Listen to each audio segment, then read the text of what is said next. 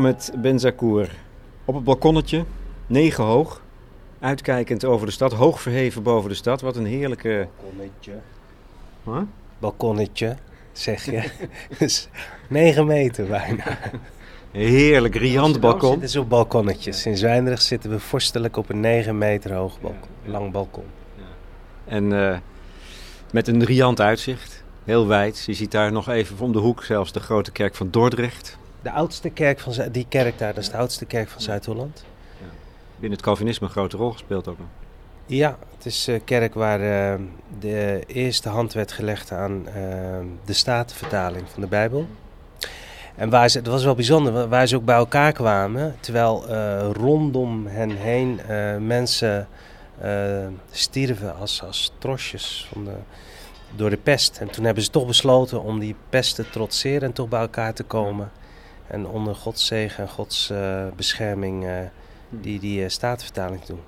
En het feit dat niemand van die groep, van de synode, het wordt de synode van Dort uh, genoemd, niet één, uh, um, ja, eigenlijk um, aan de pest uh, is gestorven, was voor hen een teken van dat toch een soort van zaligheid en, en, bescherming op hun werk rust. Van de pest naar de pesticiden en de insecticiden. hey, wat mooi. Want we hebben afgesproken om te praten over bijenleven en vooral ook bijensterfte. Um, je had een prachtig dankwoord bij het aanvaarden van de Eddie Duperon-prijs voor je al even mooie boek Jemma over je moeder. En daar trad je naar buiten als imker in dat dankwoord. En ik dacht, hè? Mohammed Ben Zakour. Ja. Imker. Um, daar zit een verhaal achter, dacht ik. Dus hoe zit dat precies? Wanneer ben je het geworden? Waarom? Vertel het verhaal. Ik heb het twee jaar geheim gehouden. nee, ik ben uh, nu op de kop af twee jaar uh, imker. Dat, dat klinkt misschien lang, maar dat is in de imkerwereld helemaal niet zo lang. Ik ben eigenlijk een beginneling. Ik word ook nog steeds gecoacht door een, door een imker die, die het al uh, 23 jaar doet. En nog elke dag zegt hij, wordt hij verrast door het gedrag van de bijen, wat hij niet kan snappen. Je kunt schapen hebben, je kunt kippen hebben, uh, koeien, dat is de glasbak. En um, dat, dat gedrag van, van, van die dieren, ook katten, honden, dat, dat ga je begrijpen. Maar het gedrag van een bij zal je nooit helemaal kunnen vatten. Dat, dat is zo gecompliceerd en wonderbaarlijk gecompliceerd. Wat zijn het dan voor dingen die, die je niet begrijpt? Een voorbeeld van gedrag dat je hebt meegemaakt. Of hè? Wat gebeurt er nu? Nou ja, ik heb, ik heb bijvoorbeeld een paar keer meegemaakt. Ik heb dan zo'n kast en dan zit een opening in waar ze uitvliegen en invliegen. Als ze stuifmeel of nectar hebben verzameld, dan gaan ze door, die, uh, door het vlieggat. En dan kom je daar en dan zie je uh, dat ze ineens allemaal gestopt zijn. En dat ze met z'n allen samen scholen, samen hangen bij het vlieggat en daar iets aan het doen zijn. Dan denk je, wat zijn ze nou aan het doen? Het is niet de bijendans, want dat doen ze binnen in de kast. Uh, het is uh, niet dat ze te heet hebben, dat ze even naar buiten gaan om, om, uh, om af te koelen. Ze zijn ook niet aan het stretselen. dat, dat, dat, dat is een soort gedrag. Dan gaan ze met hun achterlijfje omhoog en dan verspreiden ze pheromonen, bepaalde geuren, om andere bijen wat te laten weten. Dat is het ook niet, maar wat het wel is, daar, kom je dan niet achter. En ehm, op goed moment dan, hup, dan vliegen ze allemaal weer weg. En je, je kan alle boeken erop naslaan die door bijenwetenschap zijn geschreven, maar dit, dit kan je dan ook weer niet verklaren wat het is. En toch zit er een systeem in. Er zit altijd een systeem in, in wat ze doen.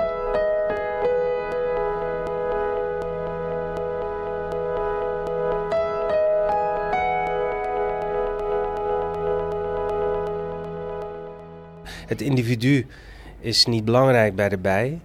Dus, uh, alle gedrag is eigenlijk ten dienste van, van, het, uh, van, uh, van, van de gemeenschap.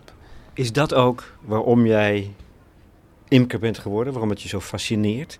Dat laatste? Als een soort model voor samenleving, voor hoe je als samenleving, als gemeenschap zou moeten functioneren? Of neem ik dan een, te veel een voorschot? Nee, nee, het is niet. Het is, uh, kijk, ze zijn ontzettend goed georganiseerd en, en, en, en uh, de, de, het programma, de software die in die bij zit, is, daar kun je elke dag nog over verbazen. Nee, het moment waarop ik besloot, ik ga ook imkeren, was nadat ik bij een vriend in de Ardennen, op, op zijn boerderij, hij is al jaren imker. En ik ben vaker daar op die boerderij geweest en ik liep altijd met een grote, de grote boog rondom die, rondom die kast. Want zoals de meeste mensen, ik ben nog steeds enigszins bevreesd voor een steek van een bij. Dat is gewoon niet prettig. En als je er allergisch voor bent, dan is het helemaal niet prettig. En dat, dat was toen ook zo. en op een middag, ik, ik, ik, was daar toen alleen, uh, zat ik op een stoel voor die, schuin voor die bijkast. En ik ben gewoon eens even gaan kijken, van wat gebeurt daar nou eigenlijk de hele tijd? Dat, dat gezoom en die bijen in. En het was zo ongeveer tegen het einde van de middag, begin van de avond, uh, zat ik daar met een glaasje prik en, een boekje. En ik zat de hele tijd te kijken naar die bijen. En, en toen gebeurde er iets dat ik dacht... Nou, wat is dit? Die kast die begon bijna te trillen op zijn grondvesten. Want al die bijen uh, tegelijk op een soort commando begonnen te waaieren met hun vleugeltjes. Ik wist niet wat, wat ik zag. Allemaal tegelijk. Een deel zat buiten en een deel zat binnen. En moet je voorstellen, 40.000 bijen die allemaal tegelijk op commando van iemand, ik weet ook niet wie dat is, maar op commando, dan beginnen ze allemaal met de vleugels te waaieren, zonder op te vliegen. Ze blijven gewoon op dezelfde plek. Ze waaieren en naderhand weet ik waarom ze dat doen, maar op dat moment wist ik niet wat er, aan de, wat er gebeurde, maar die hele kast begon te, echt te trillen en er kwam een enorme... Uh, enorme, uh, ja, wat is het? Een, alsof een ventilator of een, of een, of een er kwam een soort.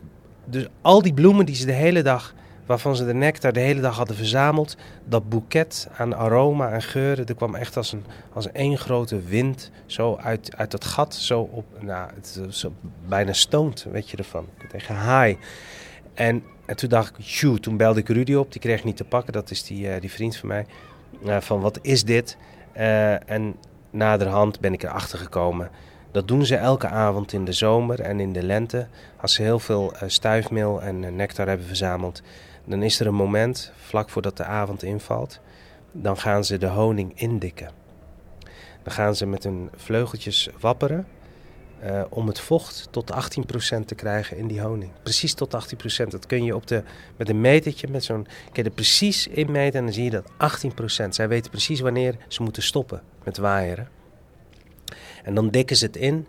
En als het ingedikt is, dan gaan ze uh, een, uh, een, een, dekseltje van was op elk celletje maken, zodat die honing is dan geconserveerd. En die zal dan ook eeuwenlang geconserveerd. Het is het beste conserveringsmiddel. Mm. De mens kan dat niet bedenken. Honing zal ook nooit bederven als het is uh, in, ingedikt door de bij. Is dat, dan, is dat het dan? Ja. Dus de, het wonder van de schepping? Gewoon het raadsel, de, maar ook vooral de wonderbaarlijke schoonheid van het geschapene.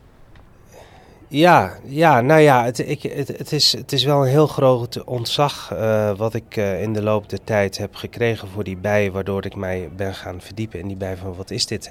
En natuurlijk allerlei dingen wat je dan hoort en leest van, uh, kijk, ik heb altijd gedacht als er geen bijen meer zijn, dan, dan, dan is er geen honing meer, dat is het. Maar ik wist niet dat als er geen bijen meer zijn, dat ze ongeveer het hele leven uitsterft. Dat heb ik niet geweten. Dus dat de appel, de mandarijn, de banaan, de, al die dingen, de fruit, heel veel groentesoorten, dat, dat die er ook niet meer zullen zijn als de bij. Dat wist ik niet. En, en, wat ook heel fijn is, is als je met bijen bezig bent, uh, het is uh, ook een soort uh, ontspanningstherapie. Als, als imker moet je buitengewoon ontspannen zijn als je met bijen bezig bent. Uh, dat, daartoe word je gedwongen. Want bijen zijn echt hyper, hyper sensitief voor jouw stemming. Als jij gestrest aan komt zetten, dat voelen ze, vinden ze niet fijn. Dat zie je ook meteen aan hun gedrag. En je wordt gedwongen om ontspannen te zijn, dat vragen ze van je. En als je daar een uurtje zit met die kast, je, je tilt het dak op, die plaat verplaats je, je, je geeft ze wat suikeroplossing. Je haalt die raten eruit, je draait ze om, je bekijkt ze. En alles moet je heel gecontroleerd, heel ontspannen doen. En voortdurend in contact blijven met die bijen, ze blijven volgen. Mijn droom is ook uiteindelijk om zonder imkerpak te imkeren. Dus gewoon met mijn blote handen en geen kapje.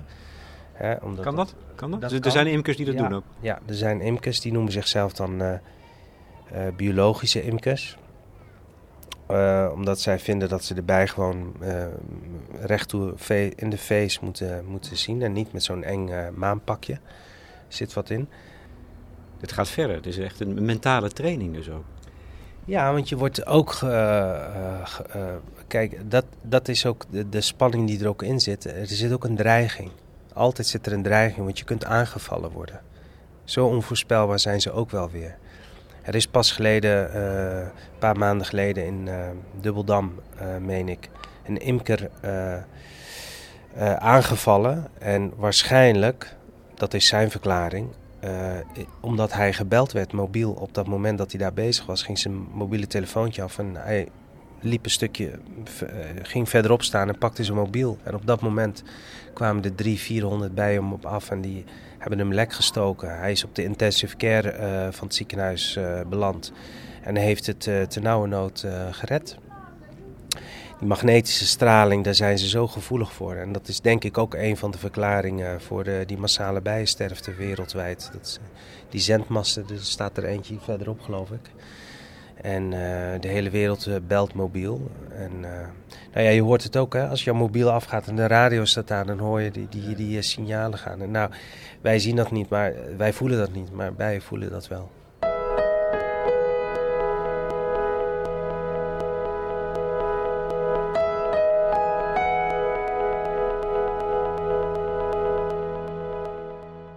Um, er zijn in Nederland, ik geloof, 10.000 imkers. En uh, van die 10.000 hebben er meer dan de helft de afgelopen jaren uh, hele grote problemen gehad met de volkeren. Volkeren die ineens na de winter uh, allemaal dood zijn. Ja, ik heb één volk, ik hoop binnenkort twee volken.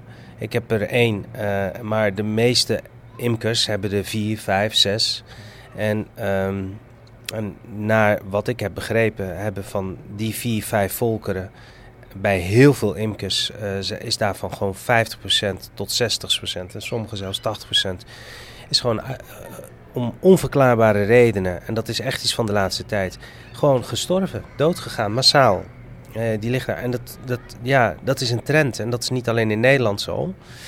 Nederland spant trouwens in Europa wel de kroon. Maar het is begonnen in Amerika. Zoals heel vaak dingen in Amerika beginnen. En um, je kunt niet blijven ontkennen wat Wageningen doet. Bijenhuis in Wageningen eh, zeggen van ach uh, ja, dit is van alle tijden. Of, uh, een schommeling. een schommeling en bijen zijn flexibel. Bijen zijn flexibel, hebben een hele grote overlevingsmogelijkheden. maar er is echt wel wereldwijd, een, dat heet dan de, de Colony Collapse Disorder. En uh, het probleem nu is, en dat is ook het probleem met uh, klimaatconferenties, is dat gigantische belangen op het spel staan. En uh, er is, ehm, die belangen zijn dermate dat wetenschappers, farmaceutische industrieën met name, en wetenschappers die gekoppeld zijn aan die farmaceutische industrieën, daar zijn gigantische belangen qua invloed, maar ook qua geld, gelden aan meegemoeid. En het is heel moeilijk om uh, op, objectief uh, onderzoek uh, naar boven te krijgen. Maar onafhankelijke onderzoekers, die niet zo gebonden zijn aan opdrachten vanuit de farmaceutische industrie, die laten klip en helder met rapporten tonen ze aan dat onder andere die pesticiden, maar nu ook die fungiciden, dat zijn schimmelbestrijdingsmiddelen, dat is het laatste onderzoek, fataal zijn voor, voor, voor heel veel bijen. Maar dat er niks aan de hand is, dat kunnen we niet zeggen. In China is het zo erg in bepaalde provinciën dat uh, leerlingen, scholieren uh, in hun curriculum uh, verplicht zijn om na schooltijd uh, in de bomen te klimmen en de knopjes nou ja, gewoon handmatig te bestuiven. Is het werk wat de bijen daar deden, die daar allemaal uitgestorven zijn. Nu moeten de kindertjes dat werk overnemen.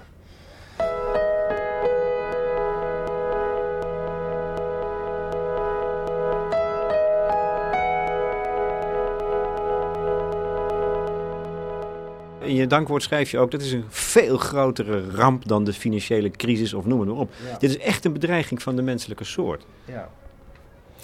Ja, en dan citeer ik uh, onze grote geleerde Einstein. Uh, niet dat hij uh, ten, het altijd bij het rechte eind heeft gehad.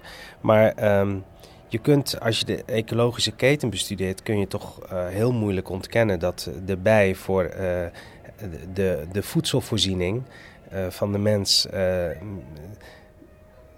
ja, misschien niet alles bepalend is, maar toch wel heel cruciaal is. Ik bedoel, zonder, zonder vitamine C, D uh, is, hebben wij een groot probleem. En heel veel vitamines onttrekken wij uit groente en fruit. En als 80% van alle groente- en fruitvoorziening afhankelijk is van de bestuiving van. En daar weer 80% van de bij, want er zijn ook andere bestuivers zoals de vlinders en andere uh, insectensoorten. Maar 80% komt voor rekening van de bij en de hommel. Ik bedoel, hoe moet je dit ontkennen? Ik zou het niet weten.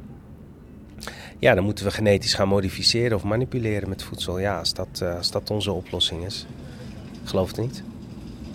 Wat is dan een oplossing? Nou ja, en die niet alleen ja, utopisch is, maar ook praktisch? Ja, nou heel praktisch is het voorbeeld wat ik zelf heb gegeven. Wat dat betreft is die leus een goed milieu begint bij jezelf. Heb ik uh, mij zeer ter harte genomen. En ik ben gewoon zelf begonnen als imker. En als de hele flat hier zou gaan imkeren en allemaal uh, op hun balkonnetje een, een bijenkast zouden plaatsen dan zou dat in ieder geval voor uh, een klein beetje de, uh, al die sterfte, in ieder geval in Zwijndrecht en omstreken, compenseren door als iedereen een, een zwerm, een zwermvolkje uh, neemt. Ja, dus allemaal een, een zwerm. Ja, dat nou zie ik ja, nog niet meteen gebeuren hier op deze nee, flat. Hoe mooi, hoe mooi het ook, hoe gezellig het ook is in Zwijndrecht. Er is een tekort aan imkers. Er is, ehm, de gemiddelde imker is blank en grijs. ja, dat is zo. Dus, dus, ja, dus ze zijn blij met elke jonge uh, nieuweling die, die dat vak wil gaan leren. Want het vergt heel veel geduld, het vergt heel veel theoretische kennis. En je angst overwinnen.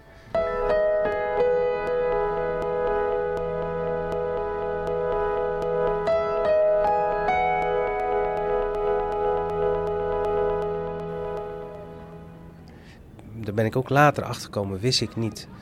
Uh, is dat mijn opa ook imker was. Uh, de, de vader van mijn moeder. Mijn moeder, over wie, uh, over wie ik dat boek heb geschreven. Zij, kon het me niet, zij kan het me niet meer zeggen. Maar tussen neus en lippen door zei mijn zus een keer. Uh, toen ze hoorde dat ik dus een bijenvolkje had. Toen zei zij: Oh, jouw opa die maakt ook honing. Dat zei ze zo even tussen neus en lippen door. Eh, ik ving dat op. Ik zeg, pardon, mijn opa? Ja, je opa deed volgens mij ook. Zij heeft wij hebben allemaal onze opa niet meegemaakt. Alleen maar van horen zeggen. En toen ben ik naar mijn moeder gegaan. Ik zei, ma, was jouw vader ook imker? En mijn moeder kan niks terugzeggen, maar ze kan wel knikken. En ze knikte heel omstandig. Ja! Nou, en toen dacht ik, kijk, dan ben ik het eerste kleinkind die in de voetsporen zonder onge, niet wetende toch uh, uh, in, in, de voetsporen van zijn opa is getreden. Dat vind ik een mooi idee. Hè? Dat toch misschien dat, dat houden van bijen ergens toch genetisch in de familie zat. En ja, het bloed kruipt waar het niet gaan kan. En soms kruipt de honing ook waar het niet gaan kan.